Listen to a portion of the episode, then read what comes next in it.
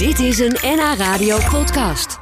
In deze nieuwe aflevering van de Lunchroom podcast een gesprek over de bange mens met schrijver Daan Heerma van Vos. En archeoloog Jan-Willem Oudhof duikt in zijn vrije tijd naar wrakken in het Markermeer. Maar we beginnen met Gijs Stork en Floor van Spaandonk uit Amsterdam.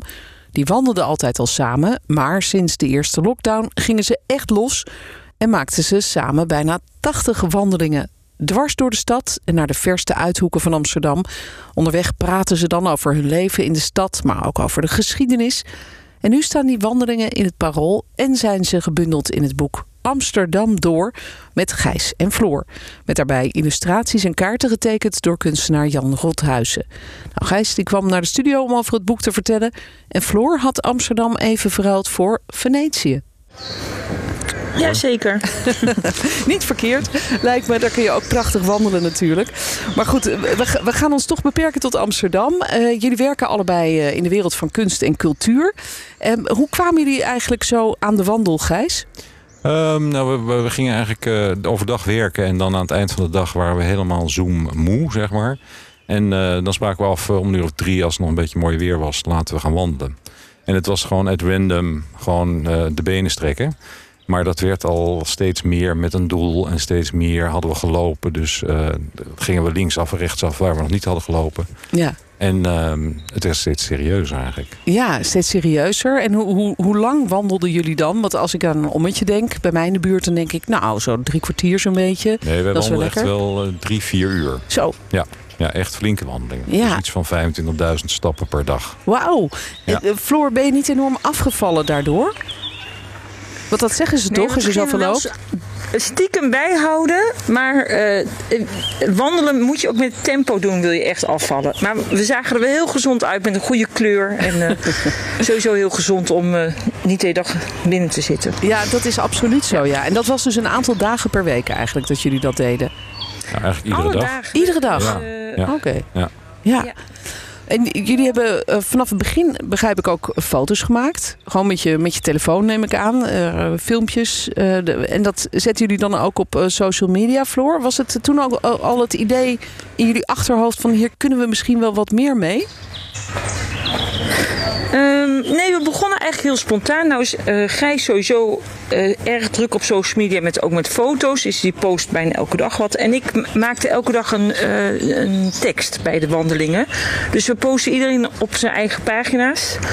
En samen werd een verhaal. Dus de vrienden van Gijs gingen ook bij mij kijken om wat tekst te vinden. En mijn vrienden gingen ook weer bij Gijs kijken van... oh ja, want heb je andere beelden en meer beelden. En hij, hij had ook een betere telefoon, dus de beelden waren ook Oh ja. Sowieso wat beter. En samen is dat ja. uiteindelijk wel, ja, werd het een verhaal. Ja, en hoe, hoe ontstond dan het idee om er ook echt een boek van te maken? Want kijk, dat je het elke dag op, op social media zet, dat is één ding. Maar nu ligt er opeens een prachtig boek vol met foto's en dus die, die, die tekeningen van eh, Jan Rothuizen. Gijs, hoe is dat gegaan? Ehm, nou, de, de gaandeweg begonnen mensen al, omdat het zo regel iedere dag was, zeiden mensen: Oh, dit is een boek, dit moet je, hier moet je iets mee doen. En een eh, vriendin van ons, eh, Petra de Hamer, het had, was net een eh wandelboeken-uitgeverij gestart. Oh, echt? uitgeverij Fjord. Dus die claimde ons. En in het begin waren we nog een beetje soort van: ja, is dit wel goed genoeg en moeten we dit wel doen? Maar aangaandeweg werd het zo leuk en was zij ook zo aan het aandringen dat we natuurlijk het gedaan hebben. Ja, en, en toen zijn jullie misschien ook wat gerichter gaan wandelen. Want ik, ik kan me ook zo voorstellen, er zijn natuurlijk al heel veel boeken over Amsterdam. Er zijn ook wandelgidsen over Amsterdam en door Amsterdam. Eh, dus, dus hoe hebben jullie toen bedacht van, nou gaan we toch eens wat meer structuur erin brengen? Hoe, hoe is dat eh, gegaan, Floor? Ehm, nou, ik moet zeggen, onze wandelingen sowieso achteraf vaak een thema opgelegd. En omdat we elke dag aan het wandelen waren, hadden we, eh, kregen we al snel onze eigen favoriete thema's. Ehm, van architectuur, kunst zonder naambordjes, niet favoriet, maar wel iets om op te letten. Ehm, tot moordplekken. En dat hebben we ook ongegeneerd aan Petra voorgelegd. Dat we zeiden, wij willen gewoon ons boek, moet ook onze thema's. En ehm, dat hebben we zo een beetje gegroepeerd. Als je de binnenflap van het boek bekijkt, dan zie je een bloemetje. van de wandelingen. En dat was wel een beetje in het begin van, oh, dat zou leuk zijn, want we hadden natuurlijk veel te veel wandelingen. Ja, dus ja. we hebben ons eh, moeten beperken tot eh, negen wandelingen. En daar zie je een soort vorm in voortkomen. En dat, dat was wel een beetje van, oh ja, dan hebben we misschien Ja. koffer een beetje de stad. Ik eh, hou me even op voor de webcam. Voor mensen die zitten mee te kijken via nhradio.nl of via nhnieuws.nl. Dan, dan kun je zien wat jij bedoelt. Floor, je hebt dan de, de, de stadskaart van Amsterdam. En daar is eigenlijk een soort bloem ingetekend. En, en die bloem, dat zijn eigenlijk dan de, de, de routes, de gebieden waar jullie gelopen hebben. Eh, onder andere de westelijke havenroute. Die zijn in Noord geweest. In het centrum natuurlijk. In West, in Oost en in Zuid. Ehm, was het toen nog net zo leuk als in het begin, Gijs? Want eh, ik kan me voorstellen dat het toch wel anders is als je gewoon echt totaal zonder doel een beetje met z'n tweeën een ommetje gaat lopen. Eh, en we zien wel waar we uitkomen. Eh, dat is toch weer anders dan als je zegt, nou we gaan nu toch eens de architectuur van Zuid bekijken. Of we gaan eh, de, de, de industrie in Noord eh, bewonderen. Nou ja, het is natuurlijk zeker als je een boek maakt, is het, we, liepen echt letterlijk. eh, oh, hier hebben we al gelopen, gaan links, rechts. En, en uiteindelijk uit al die wandelingen konden we de grote wandelingen maken, dus die negen wandelingen. Ehm, en natuurlijk, als je het gewoon geheel vrijblijvend op social media zet, dan is het een ander verhaal dan dat je dat het nu echt in het boek staat. Dus er is wel heel veel werk aan vooraf gegaan nog voordat het boek er eigenlijk was. Ja, ja. Dat alles klopte en elke links, rechts, links, rechts, we steken over. ehm, echt klopte. Ja, nou, we, we raken volgens mij de verbindingen met Venetië kwijt. Ik hoor even de vogeltjes niet meer, maar goed, dat eh, gaan we zo herstellen. We praten zo ook nog verder over het boek Amsterdam door met Gijs en Floor. Wandelen met een frisse blik op de stad. Zo heet het boek. Het staat dus eh, vol met, eh, met ja, natuurlijk die wandelroutes, kaarten, foto's van zowel plantjes en bloemen als eh, architectuur. eh, wat jullie allemaal zijn tegengekomen. Zijn het eigenlijk allemaal jouw foto's, Gijs, met je, met je goede toestel? Of- Bijna allemaal. Ja, de Floor heeft ook veel gemaakt. eh, maar je moet natuurlijk voor drukkwaliteit moet je gewoon super hoge resolutie hebben. En dat kan blijkbaar met een iPhone eh, 11. Ja, Ehm, en dat, is- dat hebben we, iemand zei, je had het erin moeten zetten dat alle foto's gewoon met een telefoon gemaakt zijn. Dat is Ja. natuurlijk ook wel. Dat zie je er niet aan af, Nee, moet ik eerlijk nee, zeggen. nee, nee. Goed, nou, dat, dat boek, daar praten we zo over verder. Amsterdam door met Gijs en Floor. Wandelen met een frisse blik op de stad. Want dat is eigenlijk ja, wat jullie doen, hè Gijs? Eh, Je kijkt eigenlijk met een soort frisse blik weer naar je eigen stad. Ja, dat is natuurlijk totaal onze blik. Dus, en er is ook geen enkele pretentie om volledig te zijn. Dus eh, ehm, ja, het is echt onze visie op die stad. En eh, dat is een andere visie, denk ik, dan als je met de, een wandelgids... met openingstijden van plekken en zo loopt. Dus het is echt gewoon... En, en het is natuurlijk de hele stad. Dus we lopen echt tot voorbij de ring. We beginnen altijd op de Dam. Eh, dat hadden we een soort bedacht van een makkelijk punt. Dat deden we eigenlijk ook, want we wonen allebei in het centrum. En, eh, eh, maar dan lopen we alle kanten op. Ja, en hoeveel paar schoenen hebben jullie versleten? Nee, nou, we hadden altijd een soort van eh, moeite met wandelschoenen. Dus we hadden gewoon onze eigen schoenen aan. Oh ja, dat Ja. kan ook in de stad. Dan kom je Ja, niet al te veel ja. blubber tegen. Ja. Nou, de eerste omzwerving die jullie maken is in Amsterdam-Noord in het boek. Van het Centraal Station naar het Buikslotermeerplein en weer terug. En Noord is natuurlijk helemaal aan het verhippen tegenwoordig. Eh, wat laten jullie ons zien, Floor? Wat is het, eh, het plaatje van nou, Noord? wij beginnen eigenlijk met de vroegste geschiedenis van het Galgenveldje. En dan eh, kijken we eigenlijk ook naar de tuindorpen. Dus we lopen het kanaal af. Dus we zijn niet op de hip toe. We, we kijken gewoon naar de, de schatten die Noord sowieso al heeft. En een hoogtepunt is eigenlijk wel ehm, het uh, Tajiri-beeld. Ehm, en het plan van Gol, dat klinkt ook al magisch, maar die heeft eh, als architect is dat een nieuwbouwwijk eh, waar nu eh, de ring ook het vlak langs loopt. Maar daar zitten de meest mooie namen, het midden, het hoogte. En daar loop je dan doorheen en dan vind je een, ja, van een wereldkunstenaar daar een groot werk. En zo komen we allemaal schatten tegen. We doen natuurlijk ook wat klassiekers aan, maar, maar ja, we, we hebben eigenlijk ook voor wat er altijd al is. En, en daar laten we, lopen wij gewoon langs. Ja, ja. Die wandelingen die worden dan afgewisseld eigenlijk met, met thema's. Daar had je het net al even over, hè, waar jullie plekken bij gezocht hebben. Zoals bijvoorbeeld eh, begraafplaatsen, architectuur. Maar ook het thema moord en doodslag. Eh, Gijs, waar gaan we dan naartoe? Ja, moord en misdaad noemen we het. Niet meteen doodslag. Nee, we lopen dan langs. We, lopen eigenlijk. Met die thema's is het dat het soort plekken zijn waar je naartoe zou kunnen lopen. Dus dat is niet echt een, een, een wandeling. Ehm, maar we kwamen gaandeweg, en Floor weet daar heel veel van. Eh, langs allerlei plekken waar dingen zijn, hebben plaatsgevonden. Waar mensen vermoord zijn. Of eh, eh, de graven bijvoorbeeld van, eh, Cor van Hout op de Vredehof. Dat is een veldje waar dan alle misdadigers allemaal bij elkaar, of stoute jongens noemen wij het, Ja, die bij elkaar liggen. Ehm, dus allemaal van die plekken in de stad waar dingen zijn gebeurd. Ook eh, ehm, eh, dingen tegen homogeweld, zeg maar. Ehm, dus er komt van alles komt dan langs. En dat, Ja. hebben we ook, dat was een soort thema wat langzaam boven kwam. Ja, ja, dat Ja. ontstond spontaan eigenlijk. Hebben jullie ook nog plekken ontdekt die compleet nieuw waren? Dat je dacht, nou, ik ben hier aan nog nooit geweest, maar wat is dit mooi of wat is dit bijzonder? Eh, Floor, hoe was dat bij jou? Of ken je de stad al zo goed dat je ieder hoekje al... Nou, eh, ik heb, ik heb een tijdje voor het Amsterdamse Fonds gewerkt. Dus op bepaalde punten eh, weet ik wel heel veel. Ik vond voor Grijs was nieuw, maar die nam ik mee in mijn oude buurt. bij Huis de Vraag, de fantastische begraafplaats bij, vlakbij het Hoofddorpplein. Ja, dat was hier in en de voor buurt. mij ja. was Ja. nieuw. Sorry? Ja, hier in de buurt. Ik, ik ken hem ook, ja. ja. Ja, dat is een magische plek. Ja, Eh, zeker. Maar Gijs nam mij ook weer mee, ook trouwens een begrafenis naar, naar de Joodse begraafplaats. Ehm, we hebben ook, we kregen tips van eh, eh, mensen die ontvolgden van ga naar een hele mooie sociale woningbouwwijk in West. Dus dat hebben we ook ontdekt in de Kommelinlaan ehm, straat. Zo, ja.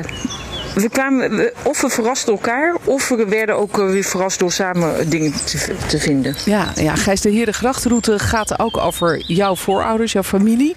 Eh, Wat krijgen we daar dan te zien, te horen? Nou ja, ik ben, ik ben met een heel groot project bezig voor de eh, 750 jaar Amsterdam. En ik heb toevallig, weet ik, van eh, duizend jaar voorouders in Amsterdam. Zo. Ehm, en dat is zoveel en is een enorm Maar echt project. duizend? Ja, Ja? duizend jaar, ja. ja, ja. Jeetje. En eh, ehm, nou, daar, daar gaat ook heel veel wandelingen gingen daarover tot eh vervelends toe voor Floor. Van ja, hier heeft ook weer een voorouder gewoond. Ja, een verder voorbed over, over, ja. over, over, over, grootvader of En moeder. we hadden eigenlijk bedacht, we doen het centrum, dat liepen we eigenlijk niet zoveel. Ehm, en toen dachten we, ja, we kunnen ook gewoon één gracht nemen. Nou ja, en dat sloot aan op dat op de Heergrachten, geloof ik, iets van 45, 60 huizen zijn waar voorouders van mij gewoond hebben.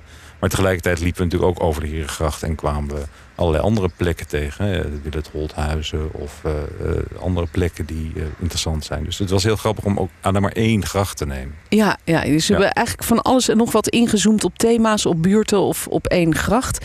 En eh, elke dinsdag staat zo'n wandeling voor jullie in de krant, hè, in het eh, Parool. Blijven jullie eigenlijk nog wel doorwandelen, denk je? Want nu is dit boek er. Je zou ook kunnen denken, we zijn de hele stad door geweest, het is klaar. Of, of, of, of zie ik dat verkeerd? Dan gaan jullie toch nog verder, Floor? Als je terug bent dan, hè, Eh, uit Venetië. Nou, die frequentie is helaas bijna niet meer mogelijk doordat het, eh, ja, de wereld weer aanstaat. Maar we wandelen nog steeds. En, en, eh, ja, en het is ook een feest om, te- om die stad zo steeds te blijven ontdekken. Mhm. En eh, Amsterdam stopt nooit wat dat betreft. Dus dat is ook. Ja, we gaan dat is zeker ook wel zo. door met wandelen. Veel mensen zijn wel ergens bang voor. Je kunt bang zijn voor spinnen of muizen. Je kunt pleinvrees hebben of claustrofobie. Om maar te zwijgen van bindings- of juist verlatingsangst. Er zijn vele soorten angst en het is ook iets van alle tijden. Ook schrijver Daan Heerma van Vossen heeft zijn hele leven al last van angsten. En gedwongen door omstandigheden ging hij op onderzoek uit. Dat resulteerde in het boek De Bange Mens. Een persoonlijke zoektocht naar de bron van onze angsten. En ik vroeg hem of hij een idee had van wat hij allemaal zou gaan vinden toen hij aan dat boek begon. Nee, ik, ik had nog geen idee eigenlijk. Ik, ehm, het enige wat ik zeker wist is dat ik als ik erover ging schrijven... niet alleen over mezelf wilde schrijven. Eh, en ja, no- normaal doe, doe ik het anders. Ik ben romanschrijver, dus normaal volg ik helemaal wat ik zelf wil. En nu dacht ik voor het eerst, ik wil iets schrijven waar, waar anderen ook echt iets aan hebben. En de geschiedenis van angst is natuurlijk heel, heel rijk. Eh, zoals je net al even, even zei, eh eeuwen oud. Dus als ik me helemaal zou beperken tot mijn toevallige angsten, zou dat heel suf zijn. Nee, toen ik het begon, wist ik alleen dat. Ja, en, en ik zei net, eh, gedwongen door de omstandigheden begon je eraan. En dat, dat kwam eigenlijk doordat jouw toenmalige vriendin zei... van je moet eens een keer gaan uitzoeken waarom je eigenlijk altijd zo bang bent, toch? Ja, ik zat toen in een, in een slechte periode. Ik had al maanden behoorlijk veel angsten. Zozeer zelfs dat ik niet meer heel goed functioneerde. Ik had er echt dagelijks last van. Maar wat voor Eh, soort ik angsten waren dat? Ja, ik had toen veel, veel paniekaanvallen en eh, ja, nare gedachten over de toekomst dat ik het niet aan zou kunnen. Dus vrij abstract. Niet een, niet een muizenfobie of zo, maar Nee, meer nee. het gevoel. Je kan het niet aan. Ja, een donker Eh, gevoel. en paniek die daarbij hoort. Mhm. En dat had ik, eh, had ik al een tijdje. En zij zei, ja, eh, dit, dit, kan, dit kan eigenlijk niet meer echt. Je moet nu eh, dieper reiken en verder komen in die zo- zoektocht. Niet alleen maar proberen de dag door te komen... maar echt ja, het mysterie, mysterie ont, eh, ontrafelen. Ja, en de Dus angst zij- in de ogen kijken eigenlijk. Eigenlijk wel, ja. Want mijn, normaal, tot die tijd had ik het gewoon, eh, had ik weer zo'n angstige fase en daar worstelde ik me doorheen. En als ik er eenmaal uit was, dacht ik: oké, dat is geweest en nu door. Eh, dus het herhaalde zich steeds en zij doorzag dat. En zei: ja, je, er moet iets anders gebeuren nu, anders, anders gaan we het sowieso niet meer redden. Nee. Eh, dus zij zette me op dat pad. Ja, en je, je beschrijft in het boek bijvoorbeeld dat je een, een onderzoek hebt laten doen naar het stresshormoon cortisol. Iedereen maakt dat aan, hè? Maar, maar de een Ja. meer dan de ander. Eh, bij jou, jij maakt heel veel aan, blijkbaar. Dat was voor mij ook een verrassing. Nee, de, eh, de resultaten, ik geloof dat ik eh, ja, honderd keer het gemiddelde ha- heb, Ja. kwam er uit die test. Dus dat was, dat- ja, dat hadden zij ook nog nooit gezien. Nee, wat je dan doet is, je laat een stukje, je, een plukje haar stuur je in.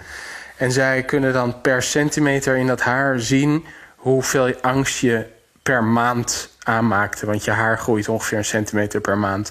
Dus zij konden dat zo eh, zien. Dat is niet voor iedereen te testen. Je hebt er ook niet zo heel veel aan. Maar ik dacht toen ik begon, ja, ik wil ook wel eens weten of ik daadwerkelijk meer fysieke angsten heb. Of Ja. dat meetbaar is. Ja. Nou, dat was het. Dat bleek zo te zijn, inderdaad. Ja. Ja. Nou, je bent gaan onderzoeken eh, waar dat vandaan komt en waarom jij zoveel angstiger bent dan andere mensen. En dat voert je in het boek onder meer naar Indonesië. Want die angst die blijkt ook voor een deel in jouw familie te zitten. Hè? Dus, dus jouw. Ja, dat was, ja. Ja, dat was heel bijzonder. Eh, want ik dacht altijd, voor, nou, voordat ik hier aan begon, dacht ik... ik ben een hele vreemde eh, eend in de bijt. Eh, ik ben een soort eenmalige eh, freak in de familie. Eh, maar toen ik erover vertelde dat ik hier aan begon... keek mijn moeder een beetje bedenkelijk en zei... ja, ik heb dat nooit eerder echt gezegd... maar ik had ook last van angsten toen ik jouw leeftijd had. En mijn oma zei precies hetzelfde. En die begon over haar vader, dus mijn overgrootvader in Indonesië. En die had ook. Dus eigenlijk een eeuw lang hebben we precies dezelfde klachten. Dat wordt dan anders genoemd in elke generatie. Maar ik heb brieven uit 1920 gelezen van mijn overgrootvader in Indonesië. eh, waarin die eigenlijk gewoon precies hetzelfde beschrijft als ik. Oh ja, en, en hoe werd het dan genoemd in die tijd? Was het dan iets meer van nervositeit of, of, of depressie? Of Ja, in zijn tijd was dat ofwel ja, ja, eh, zenuw, eh, zenuwziekte of zenuwzwakte. Of melancholie, een van twee. Eh, bij mijn grootmoeder was het eh, depressie. En bij mijn eh, moeder was het, ja, dat was de Freudiaanse tijd. Dus die kreeg een of ander moeilijk te begrijpen ehm, Complex. Freudiaans label. Ja. Dus, dus elk, ja, dat was geloof ik fallies narcistisch of zo.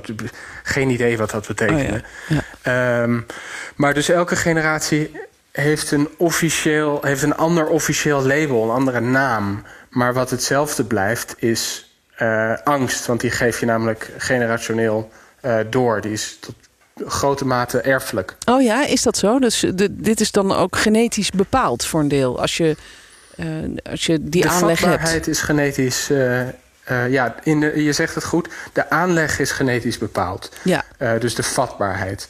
Betekent niet dat iedereen die die aanleg heeft ook daadwerkelijk angstiger wordt. Betekent ook niet andersom dat mensen die dat niet hebben niet angstig kunnen worden.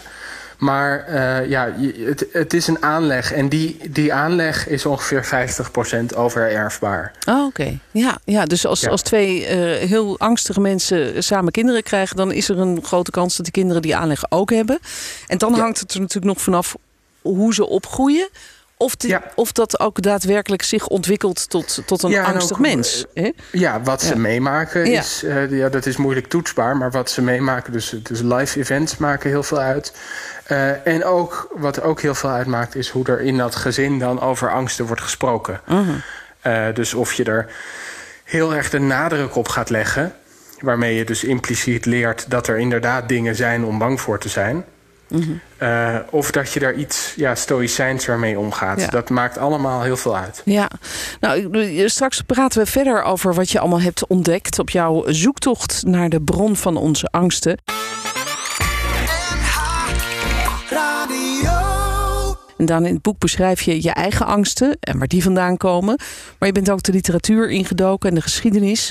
Dan blijkt dat er in de oudheid eigenlijk al over angst werd geschreven. Die oude Grieken en Romeinen waren dus ook wel eens bang. Waar waren ze in die tijd dan vooral bang voor? Dat er een veldtocht ging mislukken of zo? Of hoe moet ik dat voor me zien? Ja, dat, dat is weer iets anders, want dat gaat dan over reële gevaren. En daar eh, hebben we het eigenlijk niet over.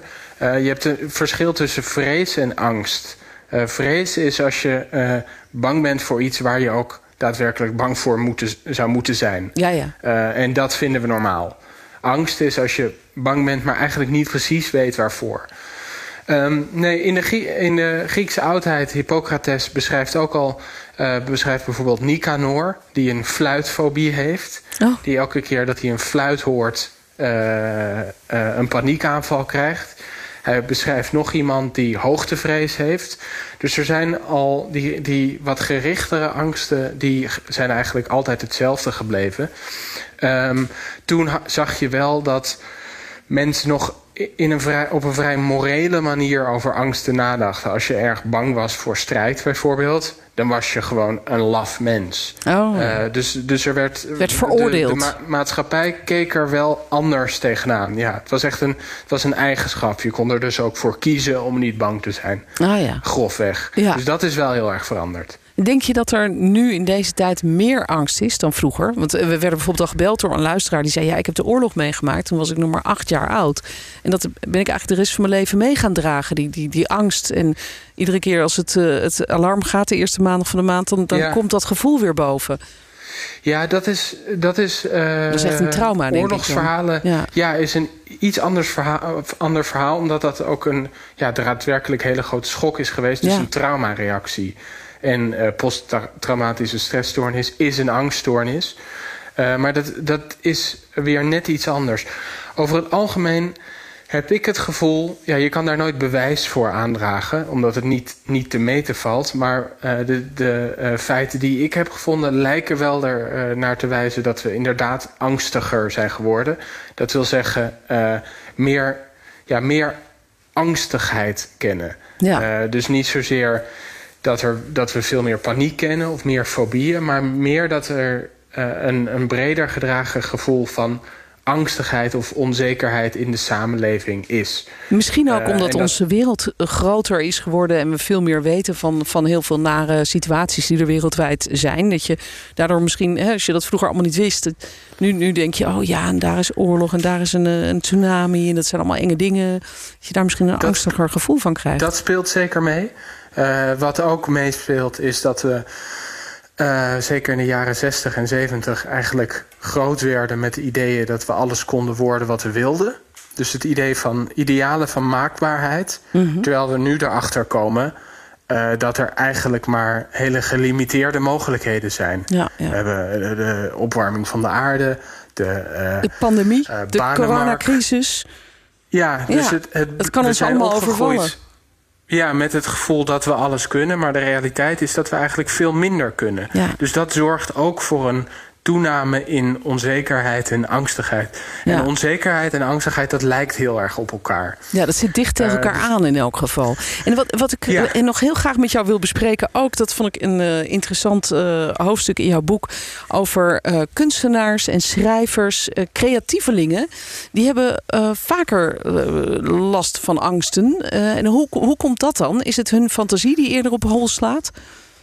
Ja, dat is. Uh, daar is inderdaad een sterke correlatie tussen. Dus niet een, niet een oorzaak. Uh, ik, mijn, uh, mijn idee is dat dat inderdaad komt door verbeelding. Al in de uh, 13e eeuw schreven filosofen dat angst vooral een kwaal van de verbeelding was omdat het ga angst gaat over gevaren die je voor kunt stellen, maar die Mhm. eigenlijk zich nog niet aandienen. Dus als je meer fantasie hebt, dan maak je je ook meer, kun je jezelf ook meer op hol jagen met angstige visioenen. Ja. Dus ik denk dat het inderdaad uh, daarmee samenhangt.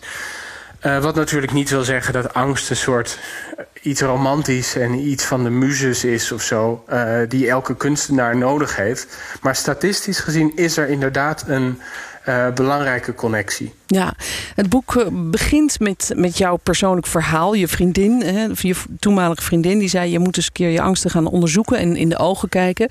Het boek eindigt er helaas mee dat de relatie uh, overgaat. en mm -hmm.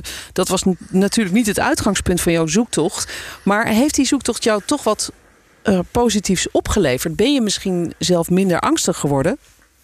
Ja, zeker. Het, het eindigt ermee, we komen aan het einde van het boek weer samen. Maar ik merk dat die reis die ik heb ondernomen heel anders is dan haar reis. Uh, ik heb ontdekt ja, hoe diep die angst gaat. Dat het in principe niet mijn angst is, maar de angst van mijn familie. Uh, en dat het ook samenhangt, we hebben het net over creativiteit gehad... met eigenschappen die ik wel belangrijk en mooi vind aan mezelf. Mm -hmm. Dus ik heb, uh, het is door deze zoektocht, die drie jaar heeft geduurd... het schrijven van dit boek um, ben ik mezelf meer als geheel gaan zien. Dus hoewel we inderdaad weer bij elkaar kwamen, voelde ik dat het eigenlijk niet verenigbaar meer was, omdat ik anders over mezelf was gaan denken. Ja. Dus ik heb er daar heel erg veel van geleerd, van ja. wat angst is. En als je het begrijpt, veel van angst hangt ook samen met dat je bang bent voor die angst. Ja, de uh, angst voor de angst, het, ja. Ja, ja, dat, ja, ja. Ba bang dat het je weer kan overvallen. Mm -hmm. Uh, door, deze, door dit schrijven van het boek, en dat hoor ik ook van veel lezers die er veel aan hebben, uh, is die angst voor de angst minder. Omdat we gewoon nu beter weten, omdat ik nu beter weet wat het is en waar ja. het vandaan komt. Daan Heerma van Vos hoorde je over zijn boek De Bange Mens. Jan-Willem Oudhof is in het dagelijks leven archeoloog op het land. Maar in zijn vrije tijd duikt hij met zijn team naar scheepswrakken... die soms al eeuwen op de bodem van het Markermeer liggen. Sommige zelfs nog uit de tijd van de slag om de Zuiderzee in de 16e eeuw. Onlangs vonden ze nog een bijzonder gaaf exemplaar op de bodem van het meer. Maar hoe weet je nou waar die wrakken liggen? Hoe vind je ze? Nou, je doet dat met, uh, met sonar. Uh, dus je vaart met, een, uh, met sonarapparatuur vaar je op in het gebied. En in eerste instantie is dat uh, uh, nou ja, op maandagmiddagen gebeurd, of maandagen. En op een gegeven moment heeft de Rijksdienst voor het Oudheidkundig Bodemonderzoek, of de RCE, die heeft een heel groot gebied laten onderzoeken. Dus is er eigenlijk een heel groot deel van het Markenmeer is onderzocht door um, een professioneel bedrijf... wat eigenlijk dat gebied helemaal stelselmatig in kaart heeft gebracht. Ja, met, met sonar gaat ja, dat, met sonar. Ja dus, ja. dus dan weten ze eigenlijk precies waar iets zou kunnen liggen. Ja, en dan dat is het dus eigenlijk. de, ze zien de, niet precies wat er ligt. Nou, je ziet uiteindelijk in een aantal gevallen... zie je echt gewoon duidelijk op die sonarbeelden ook al een, een scheepswrak liggen. En soms zijn dat uh, wrakresten. Dus dan is het eigenlijk een scheepswrak... wat eigenlijk al heel erg uit elkaar geslagen is. En soms zijn het ook dingen waarvan je denkt van... nou, ik weet het niet, maar je moet in ieder geval een keer gekeken worden. Ja, en Dus dat doe jij? Ja. Samen met je team? Ja. Ja, Ja. dat lijkt me een mooi werk. Want uh, even voor, voor mijn begrip, hoe groot is dat gebied? We hebben het over de Hoorns, het Hoornse Hop. eh, Het gedeelte van het Markermeer, zo'n beetje bij Horen-Edam. Hoe groot is Nee, dat? het, is, eh? het is uiteindelijk is het een, een aantal vierkante kilometers. Uh, het, het, loopt ook best wel een eind nog uh, richting de Noordoostpolder, richting Almere. Een aantal van de wrakken ligt ook binnen de gemeente Almere. Er liggen er een paar in de gemeente Lelystad. Dus het is, voor een, het is een veel groter gebied. Ja, ja. Ja, dus hoe, hoe, hoe, pak je dat aan, zou je denken? Jullie hebben natuurlijk dan wel een kaartje van, eh, van die sonaronderzoeken... van waar dan ongeveer wat ligt. Enig idee hoeveel er, eh, er eigenlijk ligt? Is dat duidelijk inmiddels? Uh, nou, van de echte uh, duidelijk herkenbare wrakken, dat zijn er een twintigtal. Uh, maar in totaal zullen het ongeveer uh, minimaal 40 zullen het er zijn. Zo. Ja. Dat klinkt als heel veel. Is, is het daarmee een van de grootste scheepskerkhoven ter wereld? Zou je dat uh, kunnen nou, zeggen? Um, kijk, het is wel, wel grappig. We, we weten van de Noordoostpolder, dus het, het, het drooggemaakte deel van de Zuiderzee. Daar liggen honderden scheepswrakken. Uh, en die zijn met het droogmaken van het gebied... zijn die uiteindelijk allemaal in kaart gebracht. Of ze zijn in ieder geval allemaal gezien. En dan weet je dat er daar al echt heel veel liggen. En nou ja, in, in dit gebied uh, liggen er, nou ja, inderdaad misschien een, een veertigtal. Um, en misschien zijn het er nog wel veel meer. Laten we zeggen, want wat je met sonar ziet... dat zijn alleen maar eh, die wrakken die ook een klein beetje uit eh, de waterbodem steken. Ja, ja. Er kan nog veel meer onder het zand zou er liggen. best wel veel, eh, veel meer onder kunnen liggen. Ah, wat En een het, is een spannend hele idee. zachte, het is een hele zachte bodem, dus die, die wrakken die zakken ook. Hè, die, die zijn op een gegeven moment vergaan, maar die, die zijn ook een beetje de bodem ingezakt. Ja, dat is ook logisch. Want de schepen in die tijd waren natuurlijk grotendeels van hout gemaakt. Dus ja, ze waren volledig van hout. ja. Dus die, die, die gaan op een gegeven moment ook een beetje langzamerhand een beetje in elkaar zakken. Nou, ehm, hè, wij, hebben afgelopen zaterdag met onze stichting eh, hebben wij eh, een, een, een wrak onderzocht. Eh, in eerste instantie maak je dan een duikinspectie om te kijken van nou, wat, wat is het dan voor wrak? En het ziet er nou uit dat het wrak eigenlijk zo ver in de bodem is gezakt dat eh, mogelijkerwijs zelfs het, het dek nog intact is. Dus Oh, dat ja? het eigenlijk gewoon echt helemaal rechtstandig naar beneden is gezakt. En nou ja, dat is een wrak van, nou pak een meter, een meter of twintig lang en zeven, ruim 7 meter breed. Dus dat is best wel een, een redelijk schip. En dat Ja, is dus langzamerhand is dat in de loop der tijd gewoon nou, in, de, in de hele slappe eh, bodem gezakt. Ja, was dat voor het eerst dat jullie bij dat eh, wrak gingen, Ja. dat jullie daarin gingen duiken? Of, Nou, je gaat er niet in, Nee. want uiteindelijk is er niet. ehm hè, er steekt in een gunstig geval steken er stukken eh, eh, 10, 15, 20 centimeter uit de waterbodem. Dus je, je, je zwemt daar eigenlijk omheen. En ehm, nou ja, dan probeer je dat in, eh, in kaart te brengen. En dat doen we meestal doen we dat met, eh, met een GoPro. En dan maak Zo'n daar- camera op je kop? Oh, ja, hoofd. of in je hand. Ja, ja, sorry. Ehm, Ja. Nee, ja, goed, want als je op je hoofd doet, dan kijk je de hele tijd een beetje heen en weer. Dus dan krijg je een beetje schommelend beeld. Terwijl als je dat met, vanuit de hand doet, dan kun je daar, nou ja, als een soort grasmaaierpatroon, ga je er dan overheen. En dan kun je, als er voldoende zicht is, kun je er ook zelfs nog een, eh, fotogrammetriebeeld van maken. En dan eh, heb je er eigenlijk een, een, een foto van. Ja, ja. En, hoe spannend is dat voor jou? Ik bedoel, ik kan me toch voorstellen, je doet het al een tijdje, Mhm. maar dat het elke keer weer is. eh, Ja, het, is van- natuurlijk sowieso wel bijzonder dat ehm, dit scheepswrak waar we dan naar, naar hebben gekeken, dat is waarschijnlijk ergens uit de vroege 17e eeuw. Dat is toen vergaan. En nou ja, eh, gezien het feit dat het ding ook daadwerkelijk helemaal op de bodem terecht is gekomen, eh, dus hij ligt echt helemaal, hij ligt niet op zijn kop of zo. Ehm, hij is gewoon rechtstandig naar is beneden, rechtstandig naar beneden gestort. Ja. Eigenlijk. ja, hij is, ja. En wat er dan precies is gebeurd, dat weet je dan natuurlijk niet. Maar, ehm, Maar je fantasie al- gaat natuurlijk wel op hol als je dat zo ziet. Ja, ja? zeker. En wat stel je dan voor? Nou ja, het, het, kon natuurlijk. eh, het is een binnenzee geweest, de Zuiderzee. Dus het kon er enorm spoken. Mhm. Ehm, dus ja, er zijn heel wat eh, schepen vergaan in, in dat gebied. En ook, ehm, nou ja, hè, we hadden het net over eh, de, de, de slag op de Zuiderzee. Ja, er zijn ook schepen bij zo'n slag zijn er uiteindelijk omgekomen. Ja, Of, maar, eh, maar eh, gezonken. gezonken. Ja, Ja. Maar, maar ik begrijp dat niet. eh, hè, want dit, eh, dit wrak waar jullie nu zaterdag bij gedoken hebben, Mhm. dat, dat is dus eh, van wat eh, jongere datum eigenlijk. Dat is 17e eeuw. Dus, Nou, dus niet alle wrakken die daar liggen komen uit die tijd van die, van die slag om de Zuiderzee. Dus Nee, er ligt ook wat nieuwers. Ja, en, en eh, mogelijkwijs ook ouders. Eh, er liggen eh, iets verderop, weten we eh, een, een paar wrakken die, die nog ouder zijn.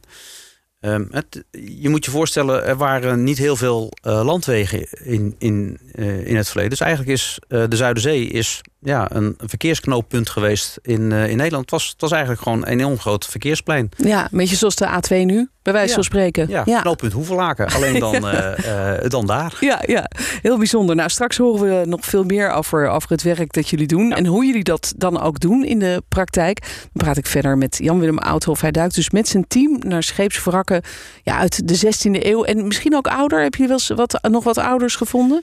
Nou kijk, het, het, het, het lastige natuurlijk met eh, het dateren van een scheepswrak is... d- er zit niet een, een, een- bouwplaatje op met van eh, deze is in eh Nee? 15 zoveel gebouwd. Helaas niet. Jammer. Ja, jammer. Er Ja. zit ook niet een, een scheepsbel op met de naam van het schip. Nee. Dus, En de logboeken zijn vergaan. de logboeken zijn vergaan. Ja. Dus je, je moet het hebben van, van vondsten. En in overleg met eh, ehm, de bevoegde overheid kun je er ook nog een, een houtmonster uitnemen om aan de hand van de jaarteller, eh, jaarringen te kunnen bepalen hoe oud het schip is. Ja. eh, wanneer het gebouwd is. Ja, ja, dat scheelt wel iets. Ja. Goed, straks dus meer over eh, het duiken naar wrakken in het Markenmeer.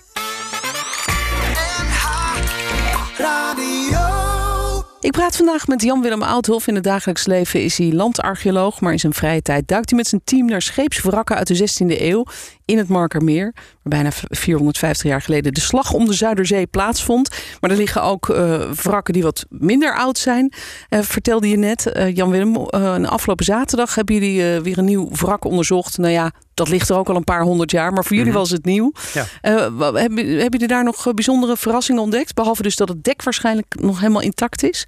Nou ja, dat is uiteindelijk ook wel heel bijzonder. Dat uiteindelijk uh, zo goed bewaard is gebleven. Hè? Uh, andere uh, schepen zijn nou ja, dusdanig uit elkaar geslagen dat het meer wrakhout is wat bij elkaar ligt. Maar dit is echt gewoon, ja, ook als je de, de sonarbeelden daarvan ziet.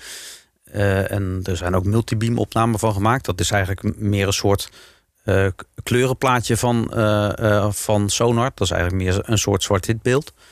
En uh, ja, het ziet er ook wel echt uit als een, uh, als een schip. Ja, en, en dat is niet uh, altijd zo. Want je komt... soms, soms is het inderdaad ook veel meer uit elkaar geslagen. En ja, dan, dan heeft er, weet ik veel, een, een storm gewoed. Of we hebben ook wel. Je weet ook wel van, van, van, van jongere wrakken, bijvoorbeeld uit de 19e eeuw.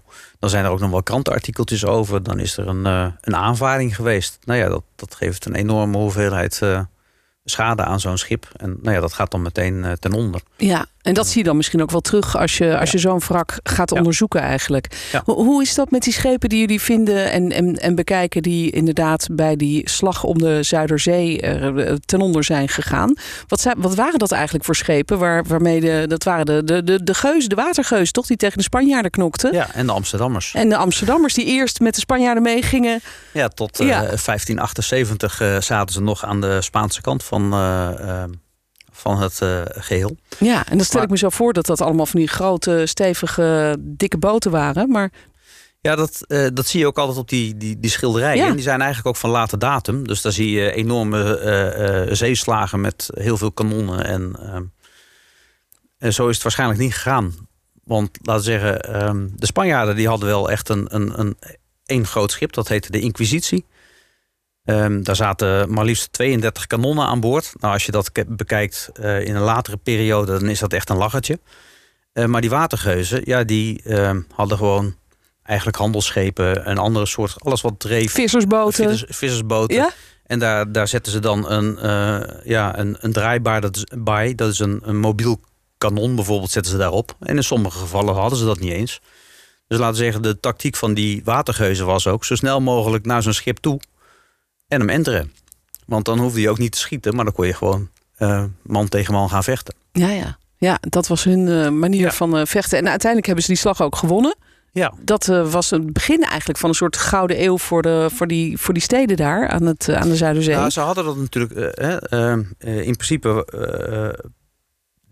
het waren al flinke handelssteden mm -hmm. op dat moment. En ehm, dat ging met name over handel op uh, het Oostzeegebied en het Middellandse zeegebied. Uh, dat werd ook de, de moedernegotie genoemd. Uh, maar ja, dat werd natuurlijk, uiteindelijk werd dat steeds uh, voortvarender. En dat is eigenlijk ook een van de redenen waarom de Amsterdammers over zijn gegaan ehm, naar de staatse kant. Uh, want dat was goed voor de economie ja, en ja. voor de handel. Lekker praktisch. Ja. ja. hey, ben je nooit bang als, als, uh, als onderwaterarcheoloog dat je zo'n zo'n wrak aan het onderzoeken bent en dat je misschien nog ja, menselijke resten tegenkomt? Een, een schedel van, van, van, van een paar honderd jaar geleden. Het lijkt me toch ook best wel eng idee eigenlijk. Want er zijn natuurlijk ook heel veel bemanningen omgekomen. Ja, nou, die kans is niet zo vreselijk groot. Want uh, laten we zeggen, wij, wij, wij graven zo'n... onze stichting Argeo ODC uh, is, een, uh, is een, een, een, samenwerkingsverband van vrijwilligers. En wij mogen uh, volgens de wet ook niet graven. Dus wij graven ook zo'n zo'n scheepswrak niet uit. We nee, kijken nee. gewoon datgene wat er, wat er, wat er ligt. En ehm, ja, laten we zeggen, stel dat je menselijk materiaal tegenkomt. Ja, het ook bij landopgravingen uh, kom je dat ja. met enige regelmaat kom je dat tegen. Dus dat is voor jou niet, niet nieuw. Nee. nee. Ik schrok ik... afgelopen zaterdag meer van een vis die me aanviel dan uh, van iets anders. Oh ja, was er een vis die de serieus? Ja, die, die, die, die was daar waarschijnlijk. Uh, die had daar zijn eieren gelegd en die, die lag daar in dat wrak. En ik oh. zat niets vermoedend daar een beetje met een GoPro te kijken en ineens eh, viel die aan. Jeetje, Ja. wat was het? Was het een, een meerval Ja, of een nee, snoek? Nee, het is een, een, baars van, ja, wat het zijn, een, een, een, een 30 centimeter. Maar het is meer dat je inderdaad gewoon in gedachten met dat scheepswrak bezig bent. En ineens eh, Wauw. schrik je zo van een, eh, Ja. Van een, eh, van een vis. Nou, Ja. die beelden zien we ook graag van jou. Als je die nog hebt, dan zetten we die even op de site. Leuk dat je hier was om te vertellen over eh, wat jullie daar allemaal doen op de bodem van het Markermeer. Graag gedaan. En dat was het voor deze week. Dankjewel voor het luisteren. En volgende keer dan eh, zijn we er weer met een heleboel nieuwe gesprekken uit het programma Lunchroom op NH Radio. Dit was een NH Radio podcast. Voor meer, ga naar nhradio.nl. Radio.